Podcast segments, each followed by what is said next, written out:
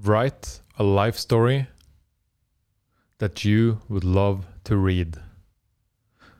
That's a quote and a mantra that my guest today, Josh Stanton, lives by. He is a charity adventurer, meaning that he travels all over the world doing super hard challenges for those in need.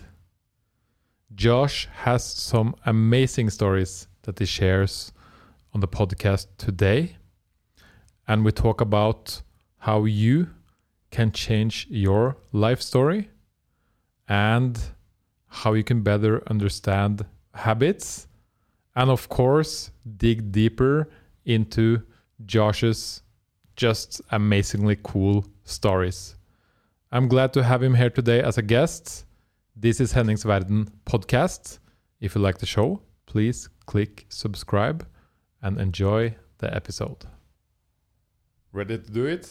Yes. Yeah? Yes. Okay. It's the first time I've been welcome, asked that at Josh. 12 on a Wednesday. Hello. Right. Let's do it, man. Thank you for having me. so I uh, usually write down some notes Okay. for a podcast. Okay. And today I've written awesome dude. Okay. Are you sure that you're on the right podcast? Yeah. My name's Josh. Josh oh, right. Yeah, yeah, yeah. You got the right one. And then I wrote a quote. I, th- I, think it's from you, or Mhm. you like to at least say it, which is write a life story that you would love to read. 100%. I'm so driven by that. It's such a good aligner. You know, like, and, and, and to, it, so the expanded edition is if your life story was a book, is it a book that you would love to read? And it's so interesting when we ask ourselves that because we get caught on the daily basis like, I mean, because there's routines. And and we've had to redefine routines especially over the past couple of years haven't we? And I don't think anyone would have wanted the past couple of chapters of their book to be as they were potentially. Um, but it has uh, give us an opportunity to kind of expand and and be playful with that and really check in like okay are the the behaviors that I'm upholding to are the disciplines that I'm either doing or pretending to myself to do guiding me towards a story. Like if I wasn't in if I was in that story right rather than like I'm reading it and uh, your your Henning is the lead character in the book. And rather than being that man that's looking around through the weeds of life kind of going through an intuition zooming out and then saying actually if that character continues to do this I'm probably going to give this book maybe another two chapters and I'm done. Right? Yeah. Or, yeah, page turn. It doesn't mean like it has to be adventure and super thrilling, but just it has to be on track with what that person wants. Like with that need and, and actual, the motivations that that person is must be done in real life while you're writing your book. Yeah. And I guess the hard part is actually doing the stopping, Mhm. looking at the big picture. Correct. Because we are kind of everyone stuck in a loop of thoughts, behavior, uh, Narrative. life we're living, narrative, 100%. and always being, you know, uh, told by everyone around us and the community Yeah. how to be and what to do. Sure. And it's hard to step out of that and like, am I now writing the book Yeah. or just you know living inside a book? I bas- basically written by someone else. Well, absolutely right. You know, it's like we, they say you can live a life by design or by default, and it's it's funny with with with the word kind of adventure attached to the stuff that I do. It's it's there's like a a guise that uh, you know like a a perception, at least in myself, that, that always has to be exciting stuff. It has to be different and challenging and a photo on a new mountain every Tuesday. And it's like, really? no. Like, you know, it's, everyone's story is going to be completely different hmm. as long as it's by design, Right. you know? And I think it's brilliant. My, my past life, I was in management consulting. I worked for KPMG and PwC in Australia and also in Germany as well. And in that world, like I've, I had leaders that truly loved their work. And I was so inspired by that. And it's not, it's, it's kind of like adventurer is synonymous with quit your job, get a very attractive partner, buy a van, and get a new Instagram account because Yeah. this is the future, folks. like the influencer. yeah, absolutely. It's like, well, and, and if that's someone's design, brilliant. But it's not. A, it, you know, some people's design are. I have I have tacos on Friday, like religiously, and I do I do this on that day, and I do this, and that is my design, and that's fantastic. Mm. As long as, and we're the only ones that are going to be able to hold ourselves account to whether or not that narrative is accurate. We just went really deep straight Yeah, away, man. didn't we? I mean, just I like it. dived in. So I mean, how can you move over to better being in control and designing your life? Check your narrative. Yeah. check your narrative because there's a um, picture this. There's a there's a small person in every single one of us. Picture them as a journalist right?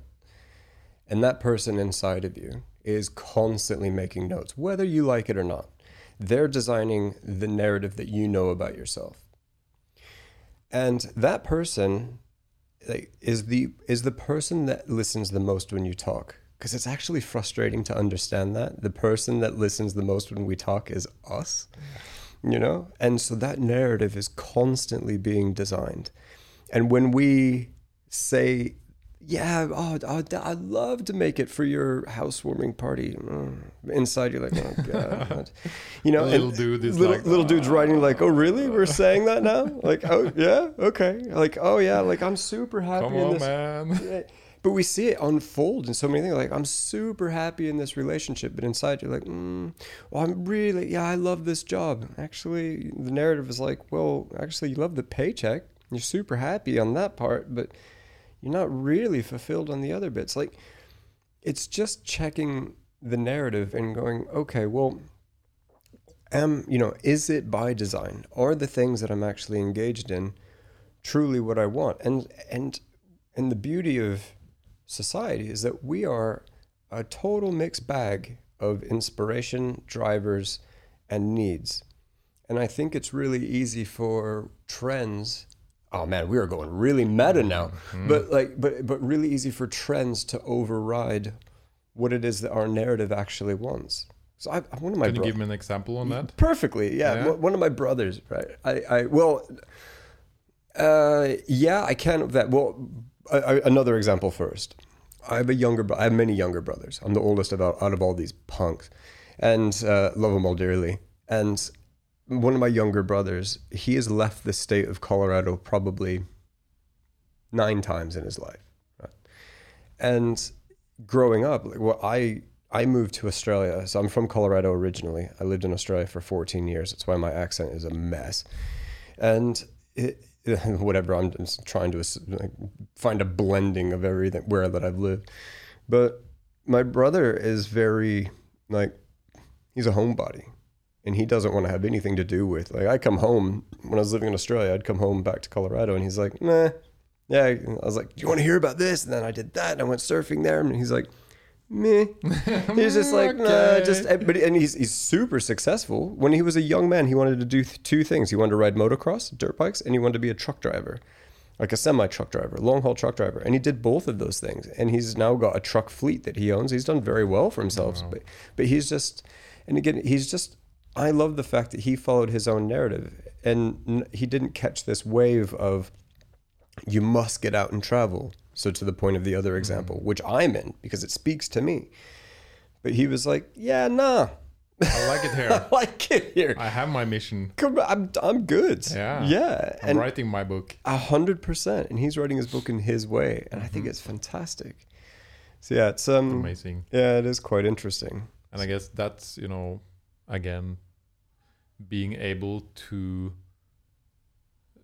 go outside of, you know, what everyone else is kind of not telling you, but, you know, pushing you into, or the media, Yeah. social media, Absolutely. uh, parents, all of that stuff. Friends, Friends, relationships, you know, that ex that haunts you, all the memories involved, everything that makes up the matter of you. yeah. Yeah, And being able to, you know, step out of that for, it's hard, you know, completely. Yeah, it's very hard, but you know, Completely. Uh, it's starting to do it, and you know, you don't have to look at everything in your life at the same time because that's you know a big job to get into. Yeah, But One on one thing, you know, am I writing this part of my life? Yeah.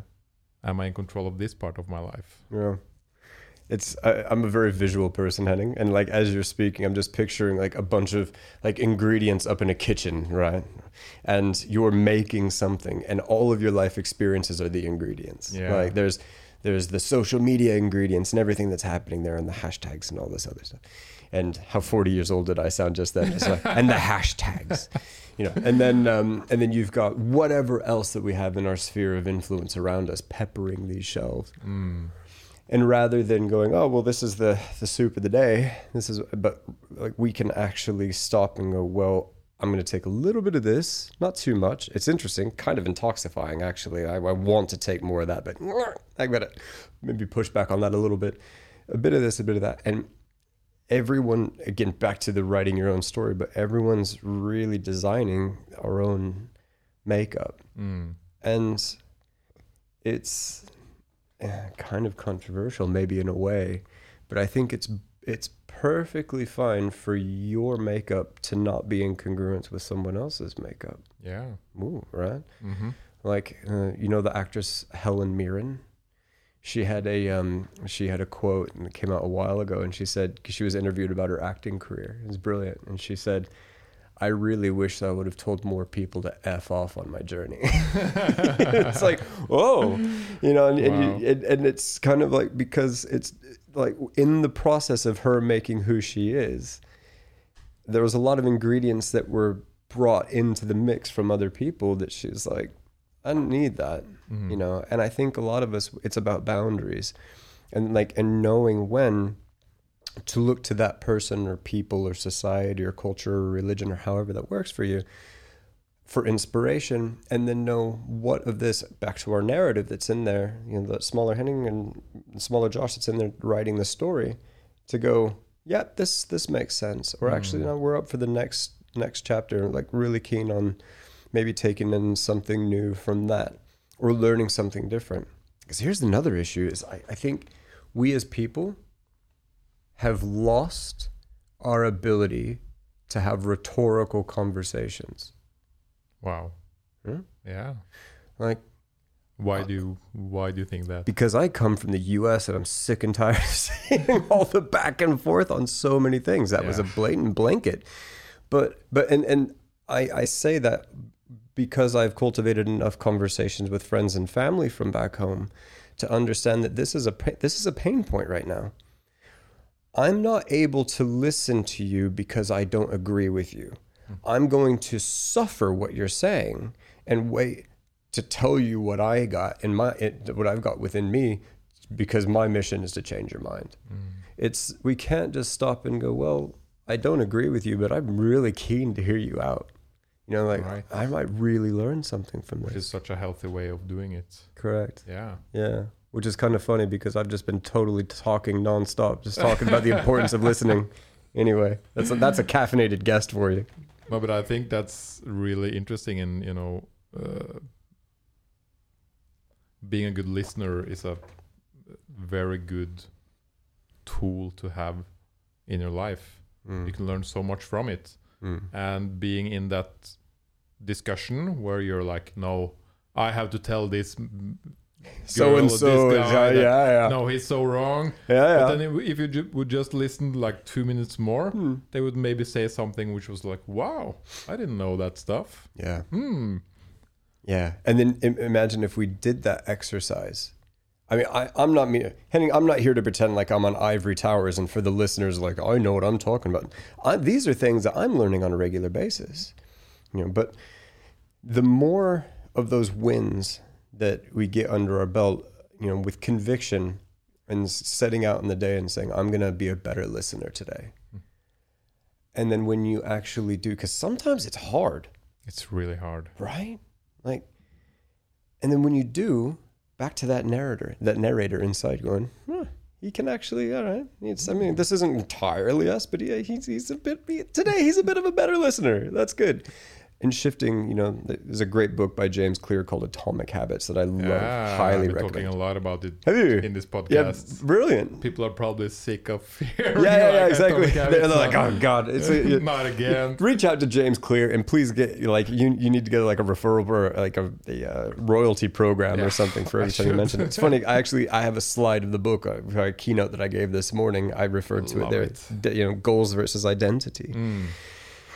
We can talk a little bit about that because you know Yeah. it's been a, uh, some time since I actually talked about that, Okay. and I just had a discussion with my you know my the guys I grew up with, like Okay. setting goals versus you know setting what you want to become, like your identity. Yeah. How about, could you do you mind me asking not, not to flip the interviewer question? No, no, no, how, how did that that conver- conversation? how did that conversation go? Like, what were some what were some impacts for you in that Well, conversation with your friends? Um, they talked about a new app that businesses use, especially in the US, Mhm. where they can kind of put up goals, and they have done a lot of um, testing on this kind of app.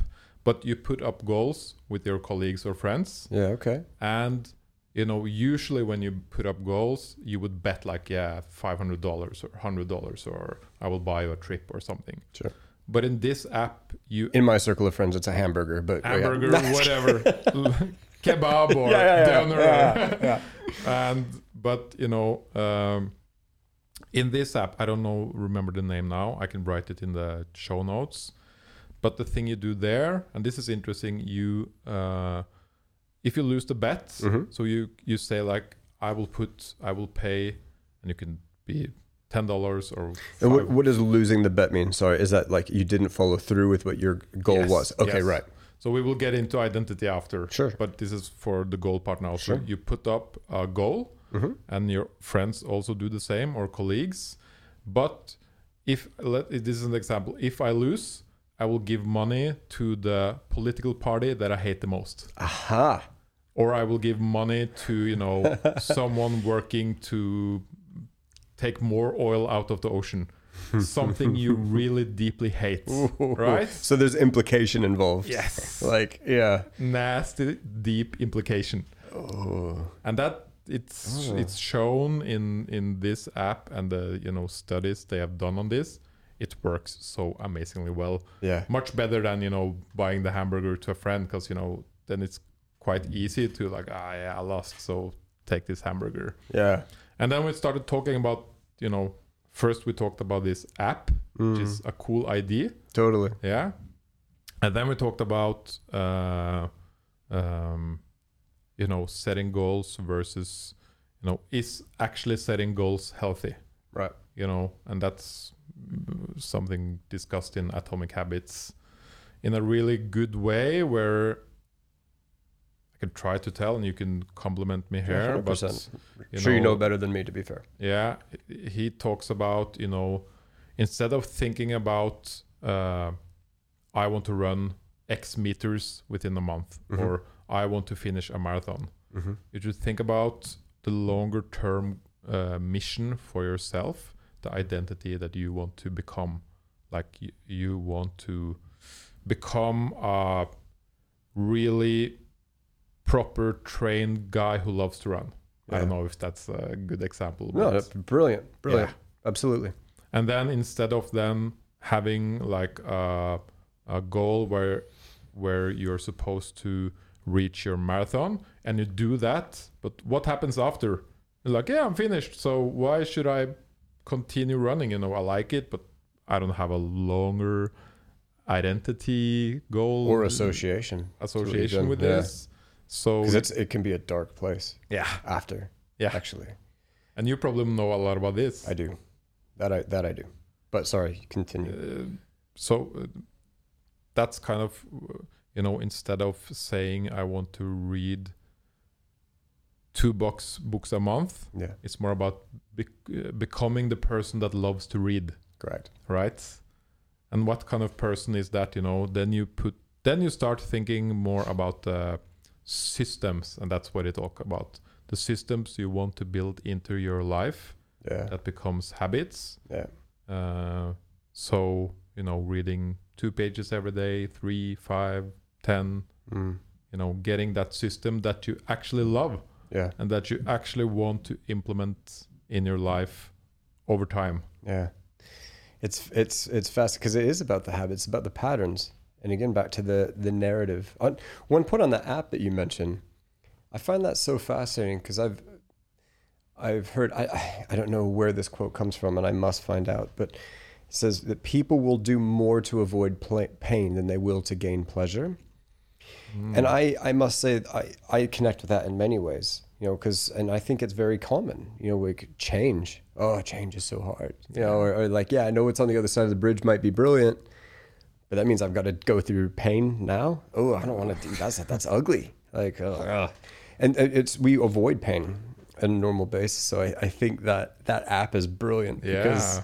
setting yourself for okay if you don't follow through. I mean, it is a pretty harsh like you know I would say hand holding. That's a hand pulling exercise. Yeah. You know that's interesting, but but the and then also as you mentioned after, man, a, accomplishing a goal. I say the first challenge, like because these big these charity challenges that I take on, right? These adventures. The first one that I did, it was probably the biggest goal that I had in my life, aside from moving to Australia and studying in university. That was that was something I was really passionate about, and had nothing to do with studying at university. It had everything to do with partying in Australia. That's what I wanted. That was the identity. and I kind of I got a, degree, a couple degrees as a as a byproduct of that. But when when I took on Vasaloppet, the ski race in Sweden, Vasaloppet, yeah, yeah. that was the first challenge that I did. right? so we will let me just you know tell the listeners yeah, you know, yeah, oh yeah, yeah, sure. Yeah, we haven't even. This is great. done- We, Yeah, yeah, we could have yeah. got a whole chat without even talking about that stuff, which is which is fun. yeah, now we're getting into it so Ah, basically you're from the us you moved to australia yep. you never had a ski on your feet right No, even though I'm from Colorado and I never skied, that's, that makes my story pathetic. yeah Yeah.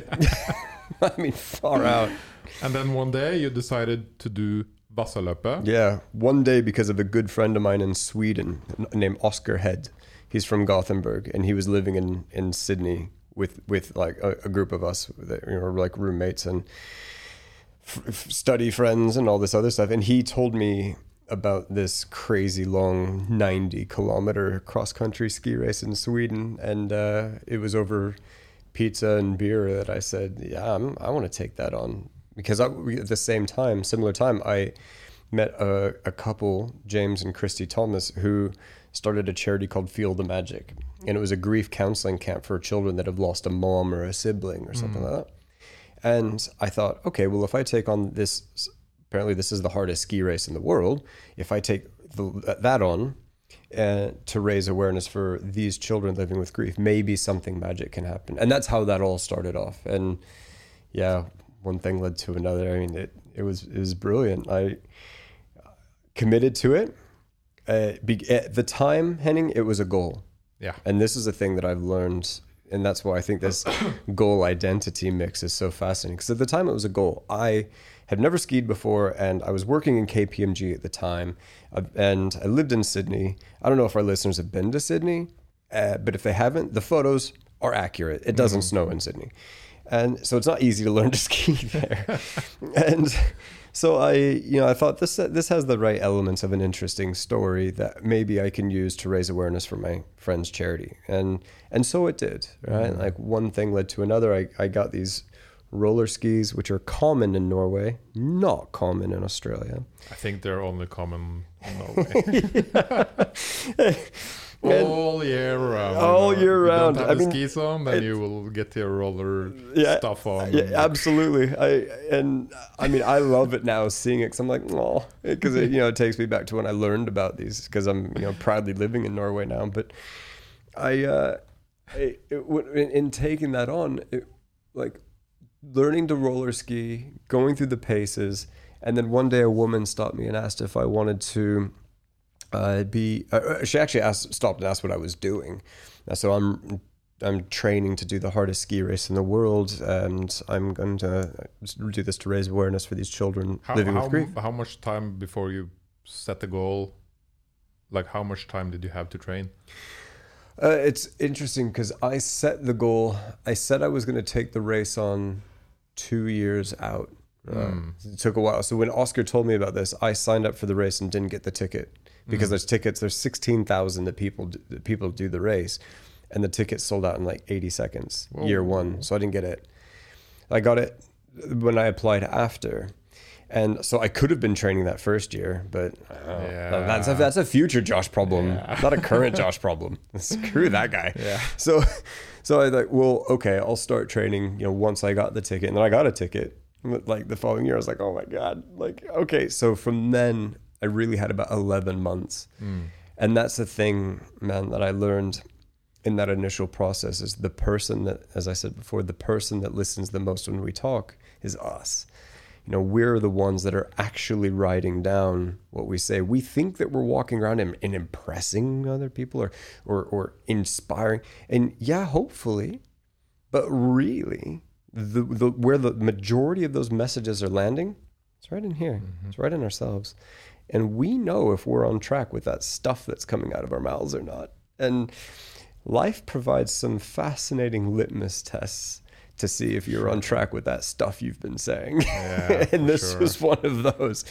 And it, but it, it went well. Like I got stopped uh, by this, as I said, this woman who uh, asked what I was doing, and she turned out to be the editor of a or a journalist for a, a local newspaper. I'd never been in the media before that point. And she said, "Would I like to share my story?" And I said, "Yeah, brilliant. As long as I can talk about the charity, because I'm doing this for them." And then I I got to go on do that. That interview made its way the next day that it came out. I got it made its way to the producers of the Today Show, like our biggest TV show in Australia, which is re- really exciting. I get this email from this woman, and she's a skier.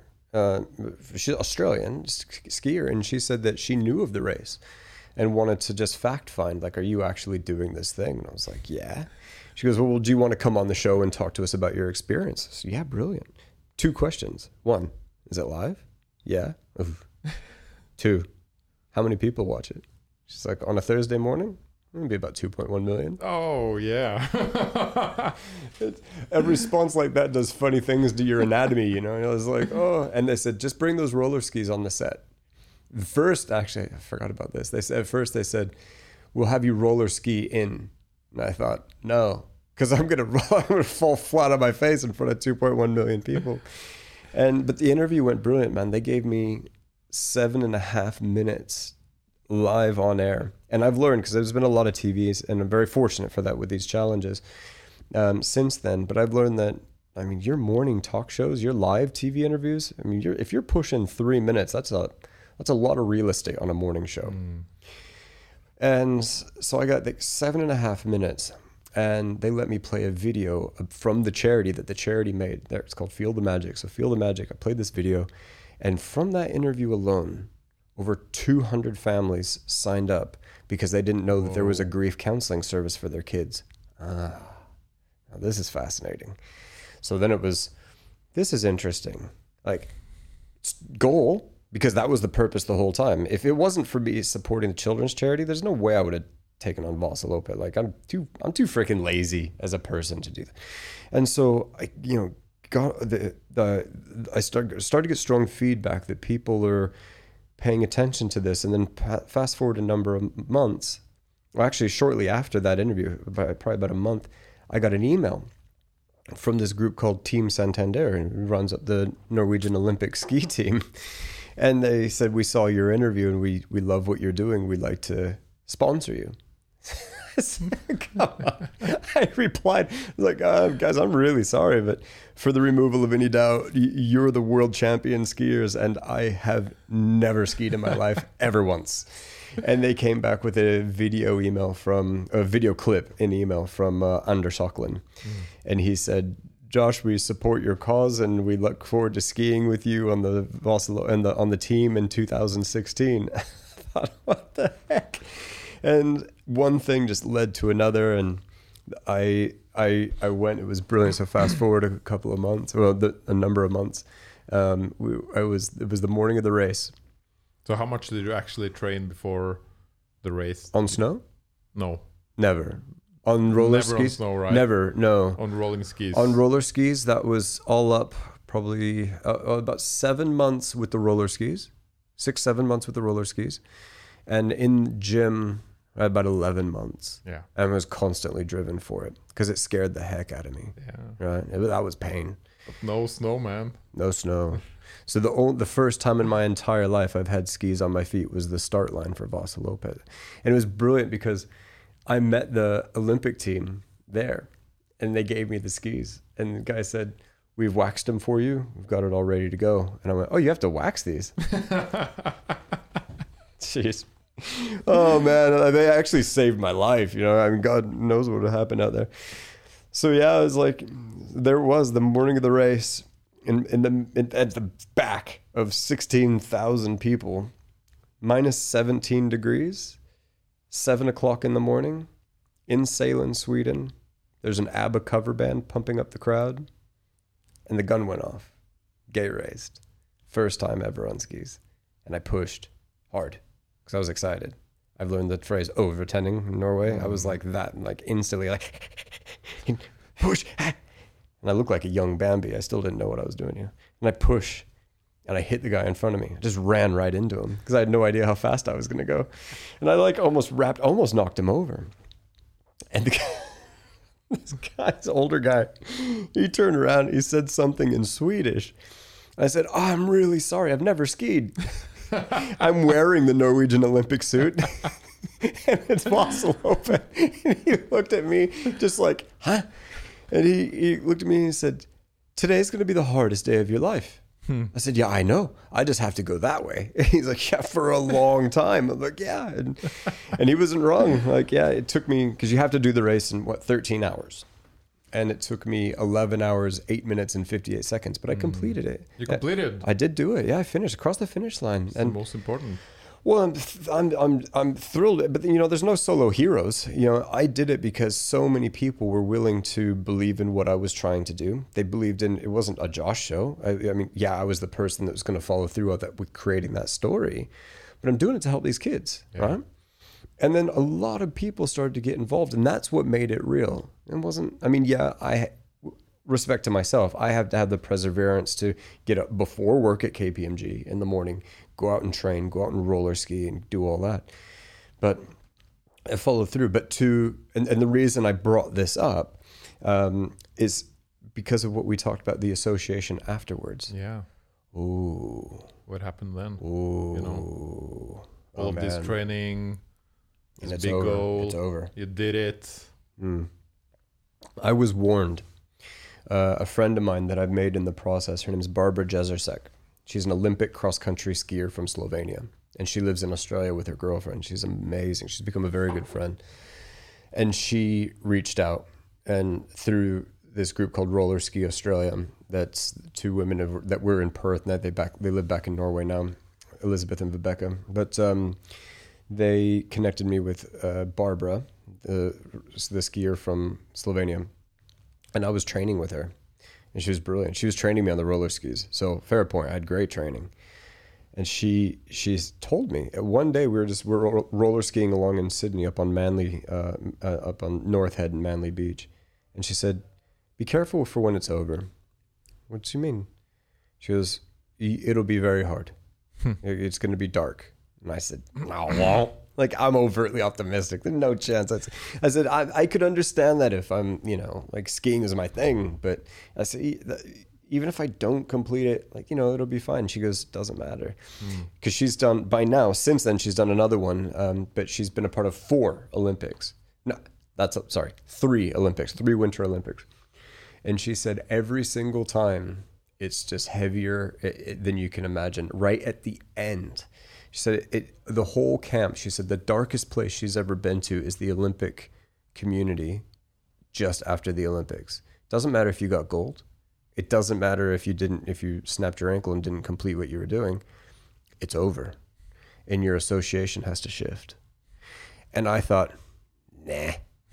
I was like, Come "Thank- you for yeah. that. Thank you, but like I'm no good at this Yeah. anyway. You know, I was self-depreciating. I was like, nah, it doesn't Life like I'm wisdom, no. yeah, yeah, exactly. Yeah, life wisdom pass. What? Or Olympian giving me advice about the Olympics? No, no. But I was like, I was being, I, I was having a tough exterior because I thought, man, I'm not going to be affected by that because I'm, you know, I'm just giving it my all and it'll be fine. Mm-mm.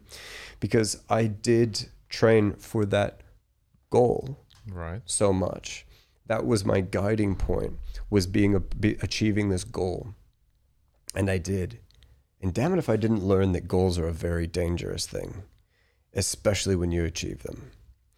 Because I came back to Australia. I, I went from, because it finishes up in Mora, I went from Mora back to Stockholm.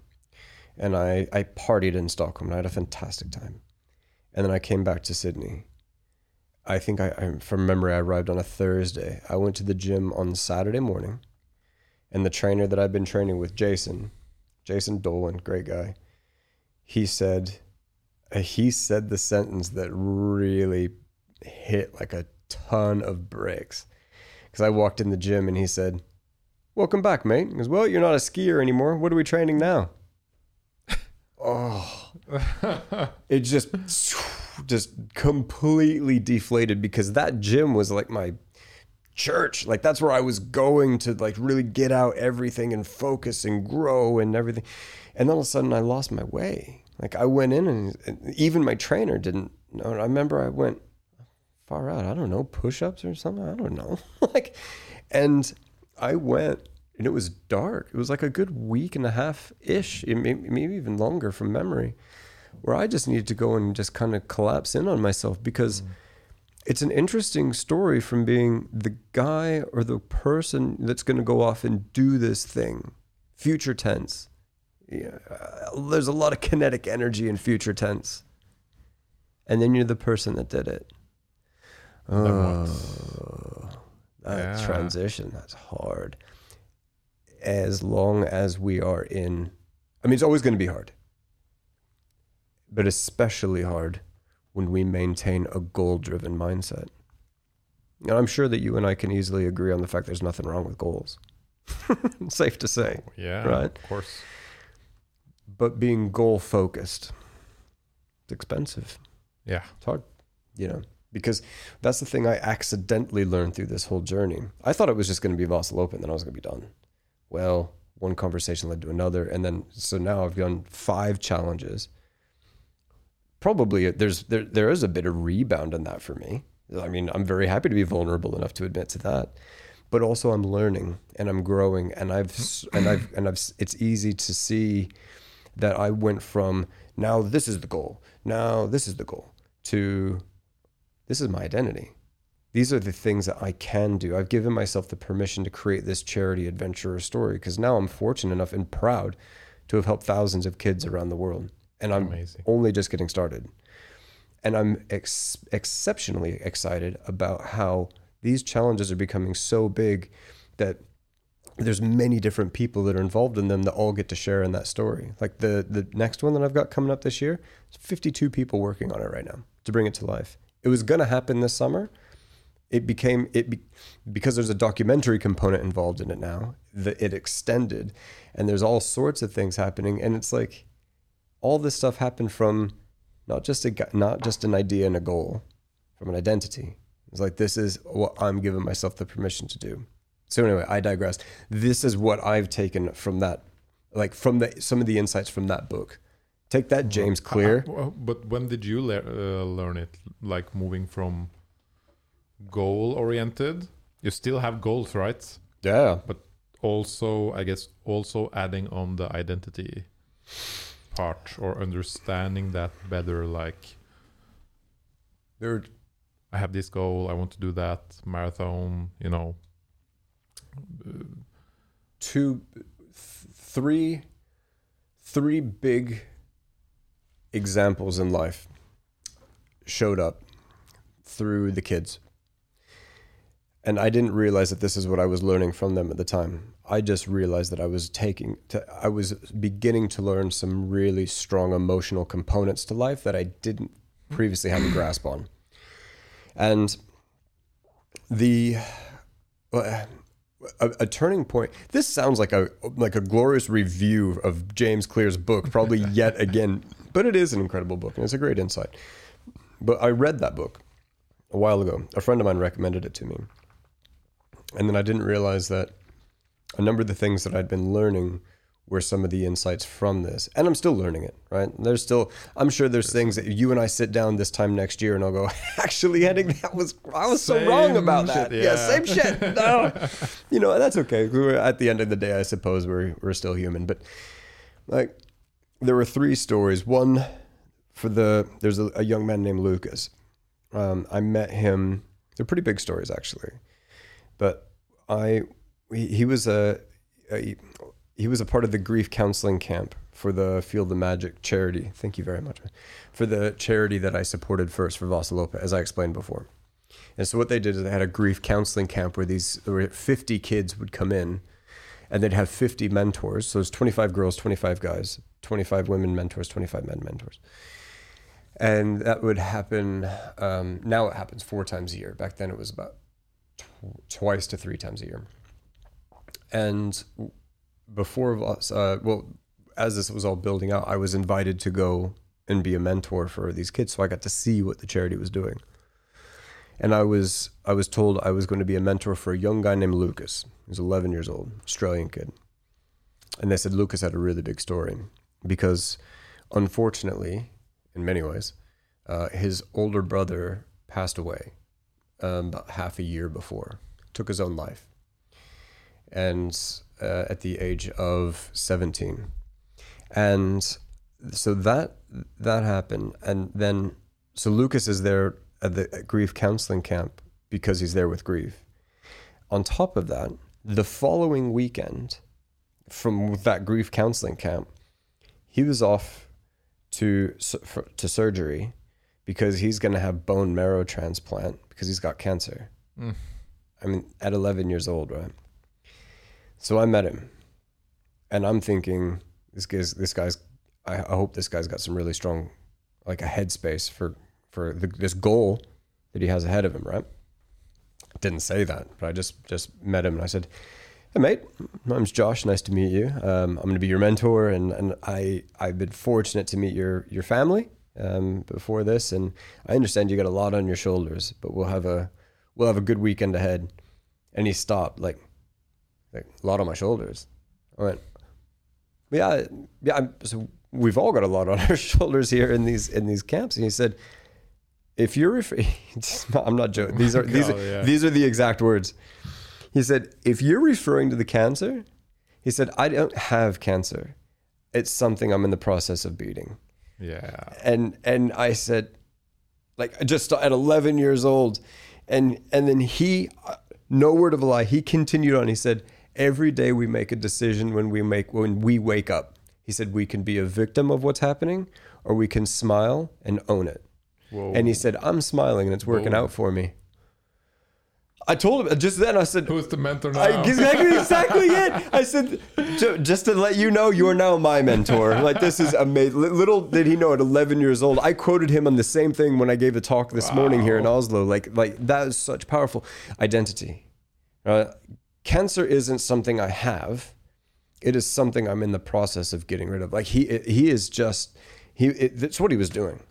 You know, so that was one of the first kind of oh you know like really i mean man the things that we get a chance to learn from kids that are in rough situations i mean we talk about resilient you see athletes adventurers all these things like tough and resilient yeah good definitely you want to see like real resilience and real life insights kids it's incredible absolutely incredible there's um so that was lucas so i said there's three then there's little Ritaj a um I for the third challenge I did was the hardest mountain bike race in the world here in Norway actually up in Alta. I was supporting a Norwegian charity that's helping children living in Lebanon that are that, that very diplomatically put that are displaced from Syria. So families in Lebanon and families from Syria learning to live together in a, a very tricky environment at the time, just to put it that way. And I was invited to go into these refugee camps and meet them, uh, a number of different families, and hear the stories from the kids. And the next two, the next two insights about in, about identity are, are here. Um, I walked into one camp, and there was a, a young little girl sitting there. She was six years old, and she had uh, she I is I. Uh, everyone has these various experiences in life, and I wouldn't have really painted myself as a, a heavily spiritual person necessarily from like energies and all that until this day, because I walked into this room, and I'm not joking. I felt her before I saw her. They told me like we were going to this room uh, to check on someone that the charity was like giving some support to. And I walked in and was like, whoa. I mean, it was just, it just felt like love. I'm, you know, and if people are rolling their eyes, just follow me on this. I, it was incredible. And I, I didn't see her at all. And big surprise, she's this tiny little thing. She's sitting over in the corner. She had camouflage pants on and a little mask over her face. This is before Corona, but she had, you know, mask on, sitting there. And the reason I asked the translator, so why, why does she have the mask? And she said it's because she's embarrassed because she's got cancer in her, in her face and throat. And she mm. thought that was just going to help her hide from it, even though it wasn't that visible on the skin. She was quite like, that was her way to hide. And then, and I said, what, what does she need? And then the translator said, what we need from you actually is to maintain a degree of cynicism because you, you realize we can't help everyone in these camps, right? Because she needs, it was 20,000 US dollars to get her her surgery. And they said, you know, 20,000 US dollars will go for tents, stoves, clothing for hundreds of families. So it's basically So, they were yeah. telling me that she's a, a lost, yeah, a lost cause. And so I sat down and Henry, she came right up to me, like just straight over, the loveliest little person, and put her little hand in my hand. And she just sat there and was like, she, you could just tell she was so excited someone came to visit. And it was like the most lovely, raw, real emotion that she didn't need to have that. You know, she didn't need to show that empathy, that care for a guest and, and, and wasn't in her house. She'd only been there for a few weeks. And, and I, yeah, I had a real hard time with that, you know. And then we went to leave, and and I told him, I said, look, I understand that we can't, you know, that twenty thousand dollars can go a long way, but also like I've met her, you know, and it's not just her. Let's be honest, it's her family, and her family knows people, and it's like there's a system around someone like that, per, that that young person. So I, I got to go back to Australia, and this is when I started to learn to put it in practice. And I didn't realize I was doing it at the time, and I'd be lying if I said I knew what I was doing. I, wa- I didn't. But I called, I contacted ABC News Australia. I said, I'm in the process of helping save this young girl's life. I just need to come on and talk about this to see if I can get some more donations.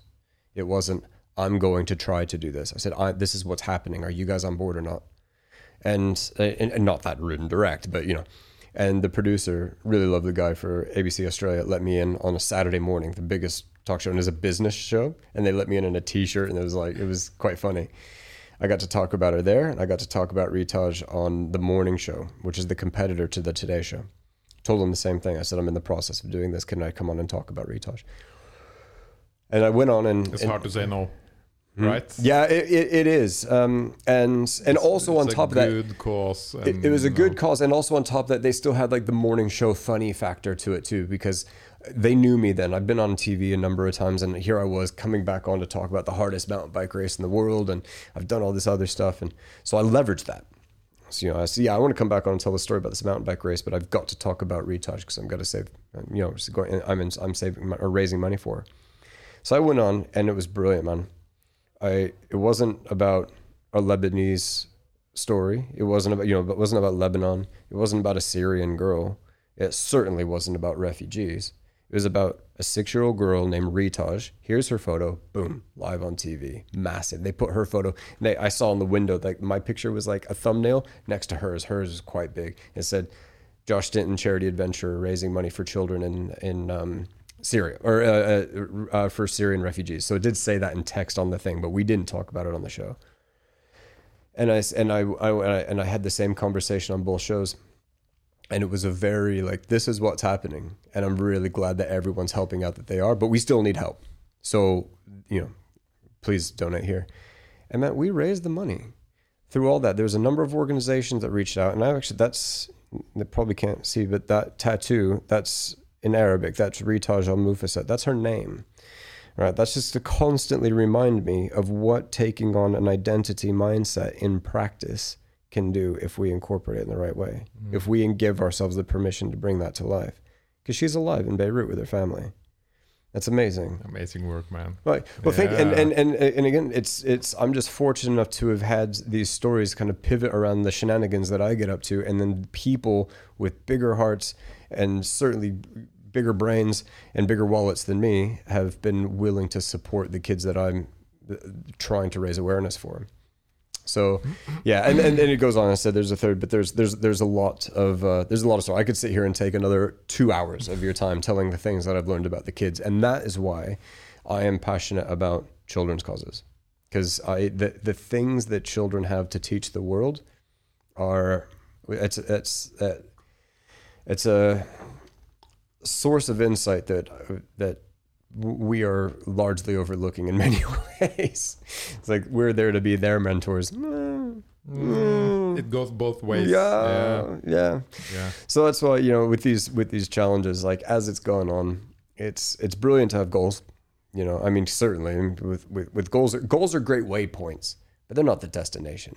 I think for me, the destination is so much as like uh, you know like sliding goalposts, as we say. You know, it's it's it's constantly shifting, but your destination is is now. Your destination is today, and that is where your identity is. Back to what we started on, and you know, a while ago on what our internal narrative is actually telling us, where it's guiding us. Because if it's just about the goal, brilliant, brilliant, good.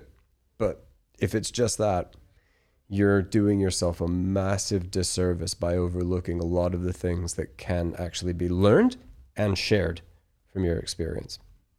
So, Wow. That's some amazing stories. pretty exciting stuff, right? I'm fortunate to have been there first person, but and meet the people involved. And I guess for me, getting inspired by this, and a lot of the listeners, you know, uh, becoming and volunteering to be like a mentor for Mm. kids. Yeah, That's something everyone has some time for in their life. Totally. Absolutely. And I know there's a bit of like, there can be like a defeatist. I mean, I hear this as well. Like people are like, oh, yeah, but there's so many people that need help and it's going to be hard. Just one. Just, Yeah. just one. You know, like if you if you did nothing but helped one kid out there, and everyone's going to have different motivators in their lives and i think everyone deserves support and help in various ways. For me as i said i'm, I'm passionate about children's charities. Um, I, if we just gave the time as my grandfather used to say it was a brilliant quote he said all the time when i was younger helping others isn't an opportunity it's a responsibility. And when you have the means being time finances tools. Back in the, i mean the farms it was tools and crops and all sorts uh, or produce from cro- crops food. Then you have a responsibility to be able to help other people. And no i understand like we've got to i mean it's brilliant you know like when airplanes take off what it always say when the oxygen mask drops you got to put yours on first before you can help other people. So you got to make sure your energy tank is good we can't walk around like oh i've just got to help so many people and i feel deflated from it look after yourself because you're you're a people too Yeah, look Yeah. after that people That's so true, you know. you know yeah If you want to help someone and bring in bad energy, yeah and you, then you don't really want to do it, or you're not ready to do it. Hundred percent, yeah, and it's not fair because both of your feet aren't on the ground. You know, and, and I've heard a number of different analogies around it. Of you can give energy when your tank is overflowing. So when your tank has got excess, and I'm very fortunate, and I'm very very grateful that I've found myself in a model of life that I get energy from the way in which I can give, right? Because as these challenges become like bigger and they don't always have to be bigger you know but uh, now i've got like on instagram i've got monthly challenges that i do and people can join and they're fun like you know last month we did a zombie run oslo mm-hmm. marathon got behind it became ambassadors and we had a bunch of people running through oslo dressed as zombies and raised money for right to play. It was brilliant. But just just i mean but a lot of that stuff while net result it gives but but great like if initial impact and outcome is that it, it you gain from it. Mm. And that's another thing is I think there's nothing wrong with this is going to be this is going to come across as a bit funny. I don't think there's anything wrong at all with being selfish or like the term selfish. Now, of course, everything in moderation, but we, we kind of look at selfish as like a, like down with that. You know, you must be selfless and giving and and yeah, but y- we have to look after ourselves and setting ourselves up for our own success and being able to give that's when both feet are on the ground and then that's then you're good to be Mhm. able to to assist others. So I like the quote. You know, we um, we're good at overestimating what we can do in you know one year or a half year, yeah. And underestimating what we can do in you know three or five years. 100% yeah i love that. Yeah, it's so true. it's super true, yeah. Yeah like oh and that's also about, I guess, creating your identity or you know changing your identity, mm. starting to help people. It's okay that it takes time. yeah Yeah, It's okay. It's uh, two things. That's a brilliant point, Henning. So it's it's definitely okay that it takes time, and it's okay that you gain from it too. You know, it's it's. I think there's this kind of feeling of like you've got to the give till it hurts kind of thing, or you you like you if you if you feel good because you're doing good, then therefore the net result is if it's a, it's a selfish action and we shouldn't no do that. It's like delete. You should be proud, You should right? be. It should. You should be so pumped. Like absolutely. Mm-hmm. Like like you damn right I did this and it feels great. Like it's this isn't this old like dark ages society of you know, like oh no you mustn't feel good for the experiences you have. Like crap. No like do like especially if you're of a makeup that you do feel good in helping others do that and also be very forthcoming with how good that feels. Mm. it feels great. Like every every challenge every donation because and, and 100% of all donations raised and I, and I I must always say this on podcasts and when, but every cent of uh, every 100% of every donation I receive goes directly to the charity. So I don't earn and I will never earn any money from the challenges right? Uh, from the donations. There's sponsorship and now there's documentary rights and various other things that are on the table on, on top of presenting. So I've got a life a commercial life outside of it but all donations go directly to the kids. Always will. And I think every single donation that I get, I don't earn financially. Damn, I earn so much. Like Yeah. I feel it's like yes, like eh, like, and I have a lot of friends. There's a lot of great Australian friends of mine here in in, in Oslo that have like every single challenge they show up. I had them running around their underwear in the middle of winter in Sognsvann last uh, last winter. Like and and there's and it's just gone bigger and bigger and bigger. But it started with like a group of local Aussies, and then now it's like loads of Norwegians involved. And but everybody that's there, it's just like I gain so much from that, like knowing that people have a good time, and I'm, I'll never feel bad about that, No way.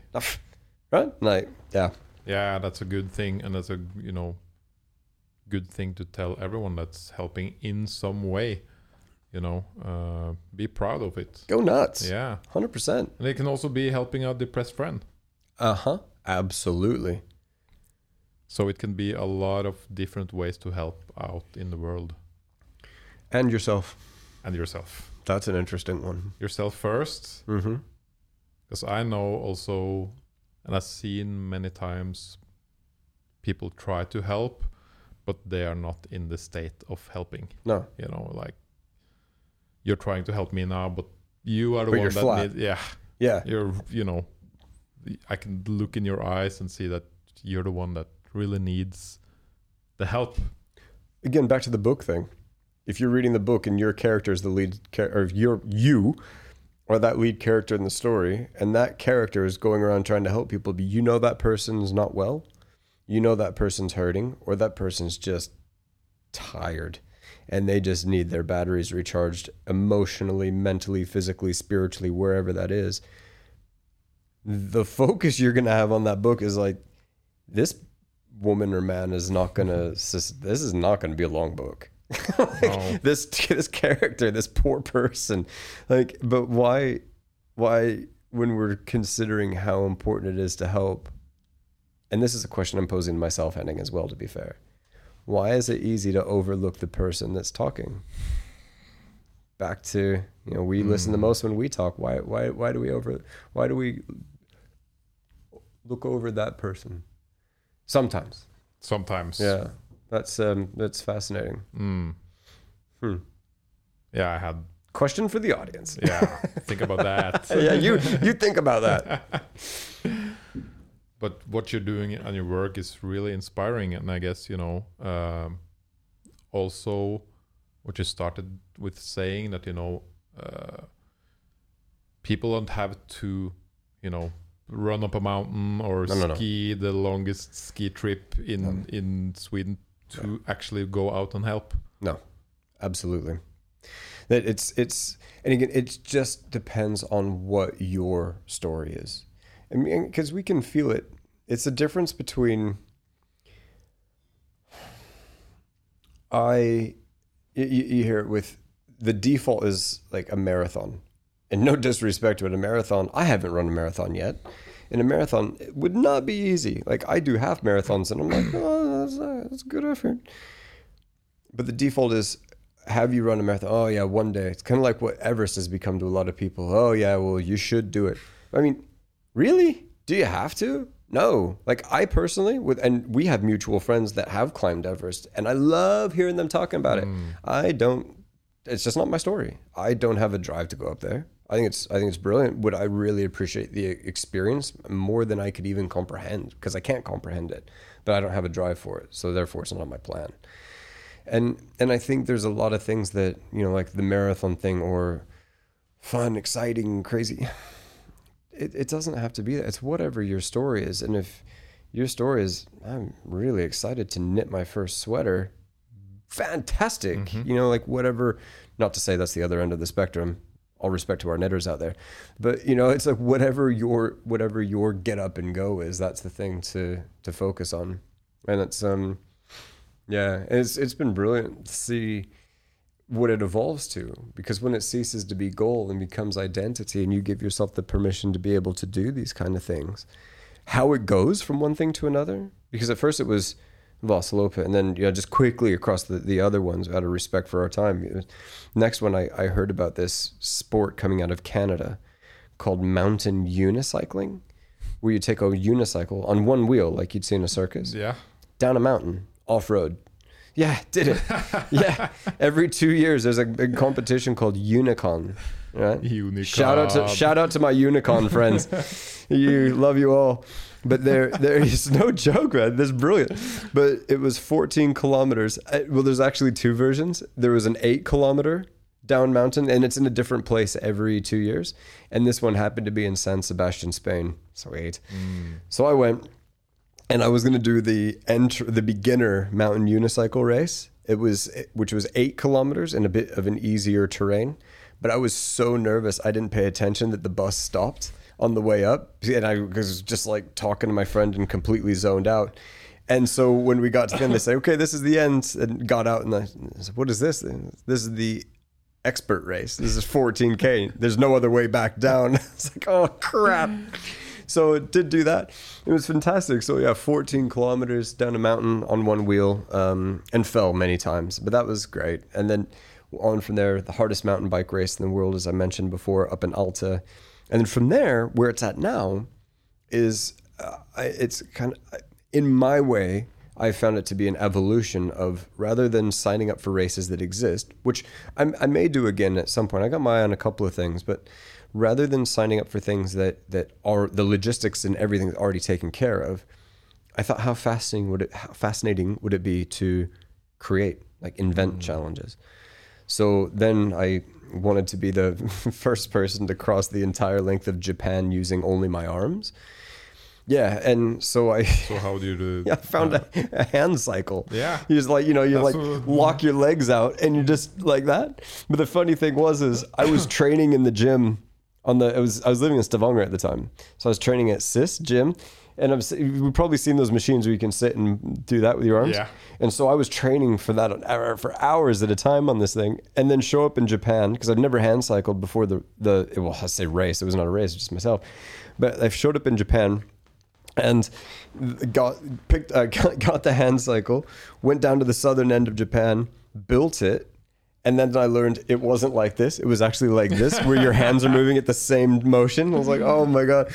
And uh, my brother came. My brother was on the support team. He's like, bro, did you realize you're going to be rowing across the country? Said, no. So rather than yeah moving like a bicycle like bicycle crank, it was just in unison where they were moved together. But that took 22 days Ooh, wow. straight, no breaks. Um, 2,112 kilometers cycled using only my arms with my feet straight out. And first person, to, that was another world record, first person across the Asian So how did you, your body look like after? I was ready for the beach that summer. It was brilliant. I just didn't want to go. I was too tired. no, it was it was good. My shoulders were on fire. Yeah. You know, constantly because like I'm waking up every single morning because that lactic acid setting into the shoulders overnight, and then just like 5.30 6 o'clock in the morning getting out you know and, and starting in the south of japan it was super warm and tropical there's monkeys and all sorts and then going up to the north towards hokkaido and it's just like five like two meters snow banks and ice on the hand cycle and oh man but that was so that was the fourth challenge. And then the fifth the last one which is i wanted to i gave a talk a, a, a keynote talk in mexico and out of the audience, these guys came up and invited me to sail across the Atlantic with them. I thought, brilliant. Like, I've never, I don't know how to sail. I've never actually been on a sailboat. And I, I said, yeah, I'd love to. And the conversation carried on. I said, you know what I'd love to do? And this is something I had thought about before was find a way to bicycle across the Atlantic Ocean. And So it's create create kind of a bicycle boat then. yeah, well, and and and and they and then so these guys were like, well, we'll just strap a bike down onto the boat because it was a big sailboat. So I, I wasn't going to be able to power the boat, but I was going to like set it up to a like a resistance mechanism where I was basically racing the boat every day. So I had to cycle more kilometers than the boat sailed across the sea every oh. day. And then the, the the the Mexican sailing crew loved it, and then they introduced me to the captain, who now my friend Matt at the time just the captain. He said, "That's a stupid idea." because "I don't want you on my boat. Like, you're gonna eat too much. You don't know how to sail. You're gonna take up way too much space. Yeah. You're useless. I'm Like, biking all the time. you're like, biking all the time. Like there boy, bike parts. I don't want it. And it was like, and it was a very, it was a 92 foot yacht. I mean, it was a proper sailing boat. And and I was like, yeah, but I looked into it and like no one's ever bicycled across the ocean before. And imagine how cool it'd be to be the captain of that ship. And he's like, yeah, I see what you're doing. And yeah, it is kind of cool. he's like, so, but you can't. Okay, get in the boat. Yeah, it was basically. He's like, but the thing is, you can't strap a bike down to the boat. You, you, what you need to do is build a gimbal, like a hammock, you know? Hmm. So no matter what the boat does underneath you, the bike stays straight hmm. on this like axle. So we they started building it. Like I I went over to London. There was Br- British engineers called Refit International down in the south of England. I flew over to London. I had a talk there, and so I was in London, and I got on eBay. Henning, I'm no good at eBay, as it turns out. So I'm I get on eBay, and I'm rather than looking at a bike like a normal bike you'd be sitting up on, like a diamond frame as they're called, like a, like a normal bike. I wanted a recumbent bike, right, where you kind of lay back and pedal with your legs out in front of you mm. rather than under you, because lower to the boat will be better because of the wind and everything else, right? So I go to London and get on eBay and I find a recumbent bike. And I thought, okay, so I was just researching what they look like. Because my friend Eric, who's on every single challenge ever, one of my best friends from Sweden, he recommended, he, he said, why don't you find a recumbent bike? That'll be smarter. You're lower out of the air and all that. I said, okay.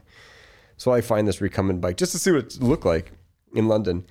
And I clicked buy because I wanted to see what the buying instructions were. So I clicked buy and I got an email. Congrats, you just spent a thousand pounds sterling on a, on a recumbent cycle. I was like, oh crap. So and I found out that was about two hours south of in Walton on Thames. So I had to go to the rental car place, hire a Hertz rental van, drive two hours south, and pick up this recumbent bicycle. Took it to Matt's dad's house, the captain of the ship, and had it stored there in Lymington in the south of England. And then they started building out the frame for it. And yeah, four months later, we set sail from Grand Canaria to St. Lucia, and I'm and now I got a, another world record for that. The first person to bicycle across the Atlantic Ocean. Yeah. it's so good. Like, I just love how these things evolve, yeah. you know. And um, now for the next one. Hmm. So Matt, And all of these for charities, huh? every single one. Oh, oh yeah, and they're all for a different one. Yeah. Now, this next challenge, I've met uh, with Right to Play Norway, and I've committed to them to raising enough money to help 10,000 young girls around the world access education that will save their lives. That's that's that's what I've that's my personal commitment to Right to Play over the year. It's gonna be about 2.5 million kroner. So um, got a little bit of work to do ahead, and so I'm doing all sorts of. These monthly challenges are to raise, you know, monthly donation totals, just to do anything we can to continue to raise money for them. And uh, yeah, the um, the the story was I because I had an idea. I actually got the idea for the next challenge while I was on the on the boat because I was out there in the middle of the sea and I never, you know, I, I mean, I had a lot of time because I was just cycling all, all day long, like 10, 11 hours a day. When I wasn't sleeping, I was cycling, you know, back and forth and eating. And my favorite bit was being out at sunset. Mm-hmm. Oh, because out in the middle of the Atlantic Ocean, nothing around you, not another boat. I hadn't seen another boat in probably a week at this point. Nothing at all. There was a crew of 11 of us. So there's a lot of activity. Everyone's sorting out. No internet, no nothing, just you and going along and then right as sunset because it just it would just light up the ocean. And i was where the bike was the bike was on top of the sh- on top of the ship at the front like in the mid deck like but so there's nothing in front of me but Oh, sea and sun. That's a nice view. it was amazing. And it would light everything up. And i just had the most beautiful like headspace experiences there. Just getting to thinking got to you know resolve a lot of mental stuff that i've been realizing i've been sitting on. It was just amazing. And then my mind would go off into weird and funny places. And then it did. And uh, one night. And i remember it hit me because i hadn't seen any birds in a while. Because there's nothing for them to land on. Of course i haven't seen a bird. I haven't seen any planes because we haven't been on any flight paths. And I thought, how have we like entered the sky before? You know, what have, what ways of what silly ways have we done something in the air? And then I got thinking, how crazy would it be if you could find a way to power an airship, uh, like like a, a ship, you know, like something filled like a helium air balloon, by running Hmm. to officially like run across the sky. Thought how To cool. run across the sky. Yeah, right. I thought how cool would that be? And I thought, I wonder if anyone's ever run across the sky before. So this hit me while I was out in the middle of the sea. And then when we landed, Biking the sea, you were like, You wanna- now I need to Run across the sky. The sky. yeah, do you understand why I'm not married now? but so I when we landed in when we docked in St. Lucia, I got off the boat and the first thing I did is went into a cafe, got internet, and I googled it. No one's ever done anything like this. Big surprise. You know, and so I flew home a couple days later I flew home to Norway and I called the Civil Aviation Authority up in Bodø and this this woman answers the phone and, she says, you know, hello, Nordic Civil Aviation Authority. I said, hi, uh, my name's Josh. I'm an adventurer, and I'm uh, I'm going to power an airship uh, across Norwegian airspace by running. I just need to talk to someone about getting a permit for that.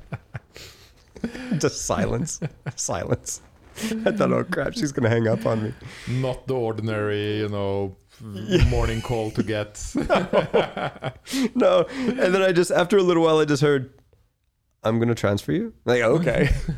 so she did. She transfers me off to this gentleman named Arnold, really lovely guy. And I told him the same thing, and he just started laughing. He's like, I've been running this department for 20 years. I have never had a phone call like this before. I said, Yeah, really? And, and he said, and he asked, he said, Are you an engineer? I said, No. Tone changed. He goes, You're not allowed to build it then. Like, no, no, no. He goes, You need, it must be safe. Mm. I said, Yep. So who do you recommend? NTNU in Trondheim. Okay. So I, through a friend of mine, a very good friend of mine here in Oslo, uh, Frode Anderson, um, I asked him uh, who he knew at NTNU, and he put me in touch with his cousin, who turned out to be the, the head of technical engineering at NTNU. So I get on the phone with this gentleman named Oscar at NTNU, and it was going to be an hour long conversation. It ended up being almost a two hour conversation. At the end, he, he loved it. And he said NTNU and, and his team will support the best they can. And they will connect me with a friend of theirs that is they um, in, a, in an organization out of in the U.S. He lives in Houston, Texas, and he works for an organization called NASA. So okay, Ah. yeah, he set it off. He, he set it up like that, and I was like, Let oh, just call my It's like- up in NASA. Yeah, I was like, oh, I've actually heard of his company before, and it turned out his name's uh, yeah Kevin Ford. He used to be the um, the director of the International Space Station, so he's on the team. NTNU's on the team, and we've got Matt, the captain of the ship, back on building, uh, working with car- uh, carbon um, fiber engineers, and basically building the this this whole process. So it's going to be a big carbon hamster wheel that's going to power an axle to turn two carbon propellers, and that's going to be attached to a huge helium Hmm. blimp, basically. And the plan is to run it the length of Lysefjord outside of Stavanger Whoa. because Lysefjord is the perfect place for it. It's wide, it's dramatic, and it's 42 kilometers long. It's gonna look epic. It's gonna look super epic. Yeah, the, and the documentary producers that, that are involved with this now like love it. And so yeah, and because it's 42 kilometers long, that's a marathon. So we'll run a marathon through the sky next Wow. summer to help 10,000 girls around the world through Right to Play. So that's the next part of the identity evolution. It's not my, mm-hmm. not just a, not just a goal. It is our goal, but it's a it's a next chapter in the book of identity, Yeah. following our theme. Yeah. Amazing. Hmm. And I guess your identity has, you know, changed f- changed from having these, uh, you know, the goal for the challenge to you know the overall helping Yeah. part. Hundred percent, Yeah. hundred percent. Because if, if it wasn't for the cha- like the assistance, because there's there's a lot of magic that's happened in this, right? Like the crazier the challenge, the more media, the more media, the more awareness, Yeah. and usually as a as a, a, a get like flexing that out, there's more uh, donations, there's more action, but it's I I thought for a long time it was about donations. Well, it is. It is because especially just 100% of the donations go to the kids, go to the projects that are helping the kids for mm. sure. The, the there's other things that happen. So there's good stories that come out of it, which now I've been a presenter for a number of years, relating the things that I've been fortunate to learn in my experience from the challenges, from the charities, from the kids, into what people can do to grow from them themselves and companies and, and individually. There's also a lot of interesting things that happen with the charities themselves. Because when some weirdo comes knocking on your door saying, I'm gonna I'm really passionate about running across the sky and I'd like to raise enough money to help you help this many kids, it brings a lot of energy back into that mm. systemically as well. And again, importantly, to myself.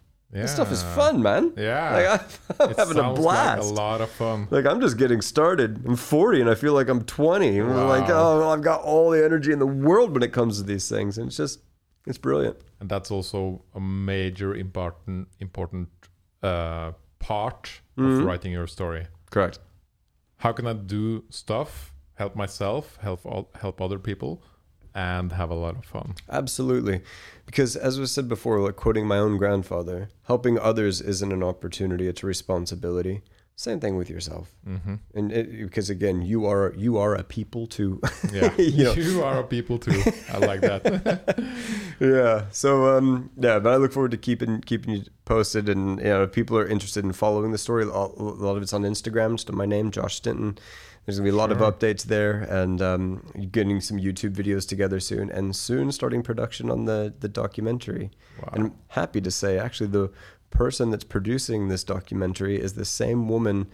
Natalie, that has produced um, Blue Planet and Planet Earth, so it's a it's a proper show, so it should be uh, a lot of fun. yeah, bring this it's thing to leveling life. up, right? It is. It is and that's the thing. helping people by doing it. So completely. amazing, man. And yeah, I would have completely underestimated what that next eight years could have bring could have brought back Mm. then. Mm. But as you mentioned before, easy to overestimate in the year and underestimate, like or, or not really pay attention to what we could have brought to life in this period of time. But because constant actions, the right habits, and just following that passion, it's brought some it's brought some brilliant stories Yeah. out. So watch Uh, this you know, and as you said, you know, um on that boat, you were basically like meditating. Correct. Yeah, Correct. and you had the opportunity to stop Yeah. and think about life and think about stuff, Yeah. opportunities, and crazy stuff you want to do. You know, run the now I'm bicycling the water, but you know, up there I should be. I can run up there in the sky Yeah. and you know um, to be able to to stop in any way and to look at your life now it's so important Yeah. and you can do that by you know going to nature vacation meditating Yeah.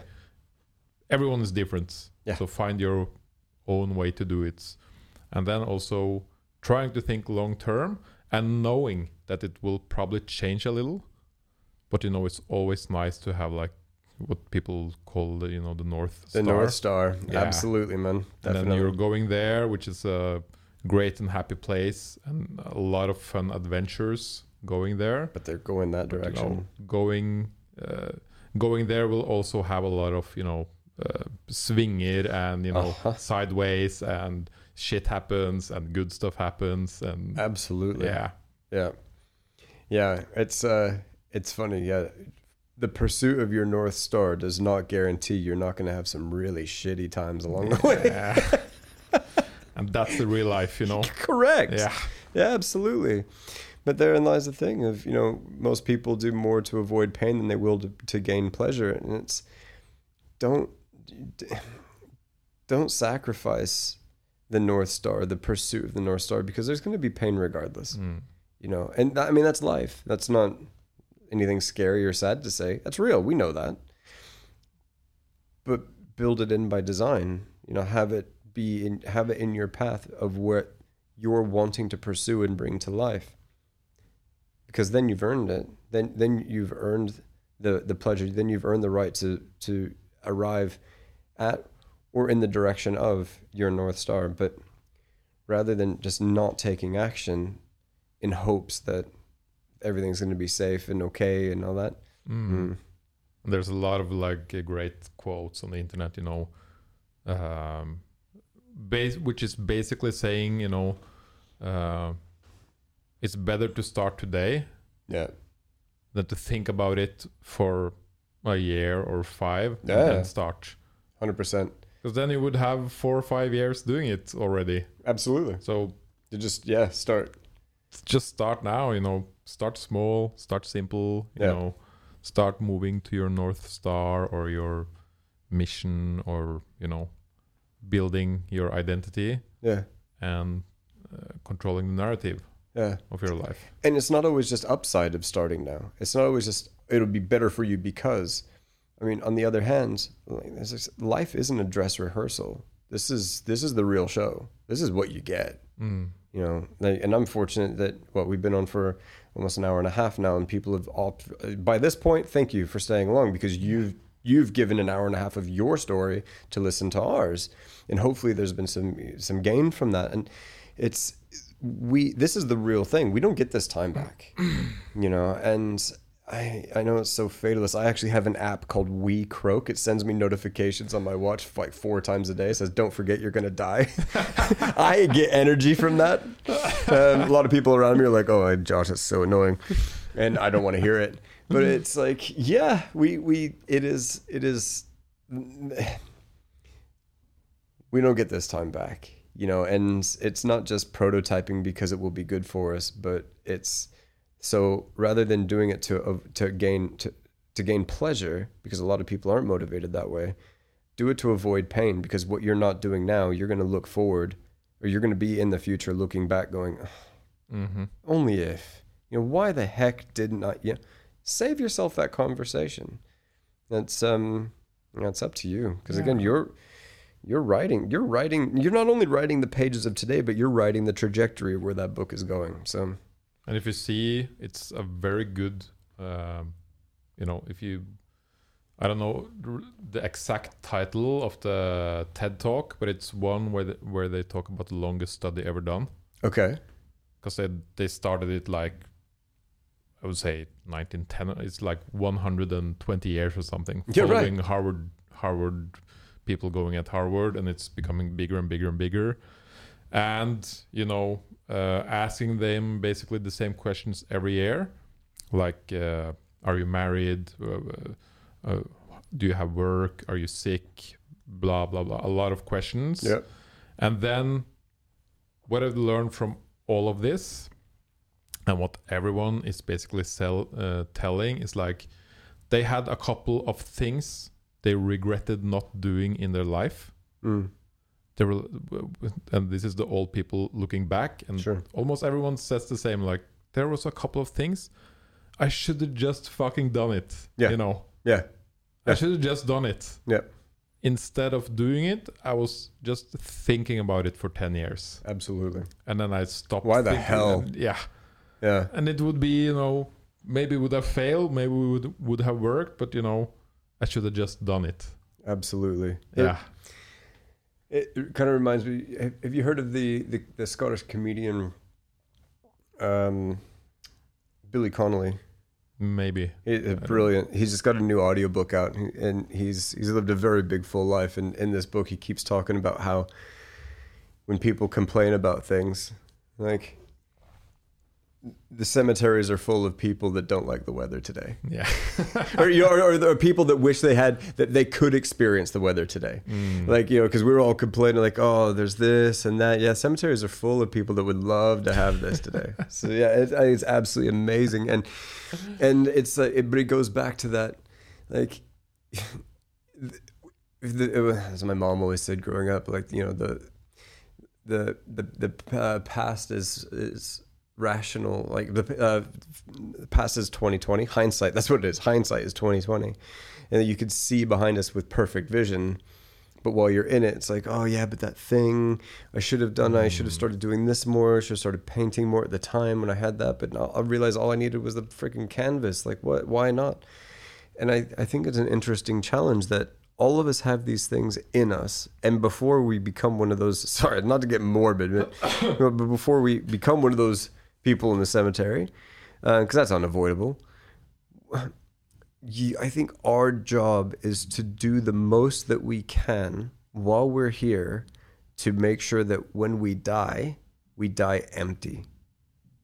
Because we're full of a lot of things that we could be putting out into the world that create a mm. beautiful experience for ourselves and others.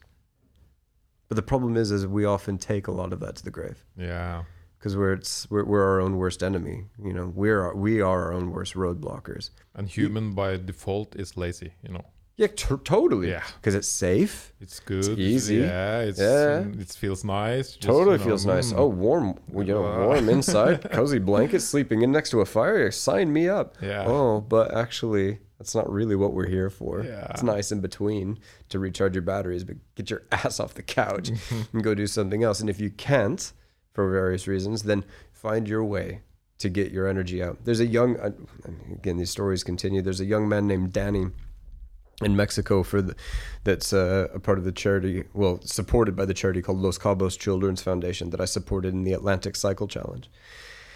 And he, he's how old is Danny now? He just turned 18. He just had his birthday. Uh, when he was 14, he was in a car accident and became paralyzed from his neck down. Mm-hmm. So he doesn't have use of any of his limbs. The problem was is he was a fantastic drawer and he was really passionate about paint. So with the help of his family, he's got an easel and everything set up and he's taught himself how to draw with his mouth. And he's got these pens and markers and he drew me a beautiful picture of a lion because he said it's going to take the courage of a lion to cycle across the ocean. And here's a young person who just decided to go, no, I'm going to continue the story. Like I'm, I'm going to continue getting what's in me out. He's an artist. He's a proud artist. Hmm. Now he's an 18 year old artist. He's only just getting started in his career. No, doesn't have that. He doesn't have the use of his arms anymore. That's that's like okay. Yeah. Next, he just keeps moving. And he's like the loveliest, one of the happiest young people. Just super positive. He's like, yep. Well, I can still draw with my mouth. Hmm. Come on. And that's kind of an interesting thing that, you know, for many of us to do hard shit, Yeah. something, you know, uh, like a crisis or some hard Yeah. shit needs to happen to us Totally. first. Yeah. You know, then we get like realization, like, ah, yes, Absolutely. now I can't be lazy as shit. Like, uh, that, yeah. It's interesting that inspiration is completely understandable when it's reactionary. Mm. Isn't that funny? Why can't inspiration be proactive? Hmm. If this, then that. Yeah. Screw that. Just do it. Yeah. not- and uh, I'm I'm also not the same way. You know, it. You know, there's the Shia LaBeouf like mock. Do it like super inspirational. Anything you want to do, you can go achieve it. Yeah. when I see that, I'm like, eh, next. it doesn't Yeah. speak to me. It has Same to be here. for me. It has to be playful. Like that. That that hits me in the heart when it's playful and inspirational and can help other people, especially young people on their journey. Mm. Then I'm like, then I'll I'll move mountains. But if it's just yeah, seize the day, go, rah, rah, rah, I'm like, shut up. it's got to be playful. So we have to tap into it in different ways. But regardless of the way in which you tap into it, you have got a responsibility to get it out before you go. Mm. Yeah. Amazing. Wow, Josh. Thank you for What a having good me. talk, huh? Fantastic. Hmm? Yeah.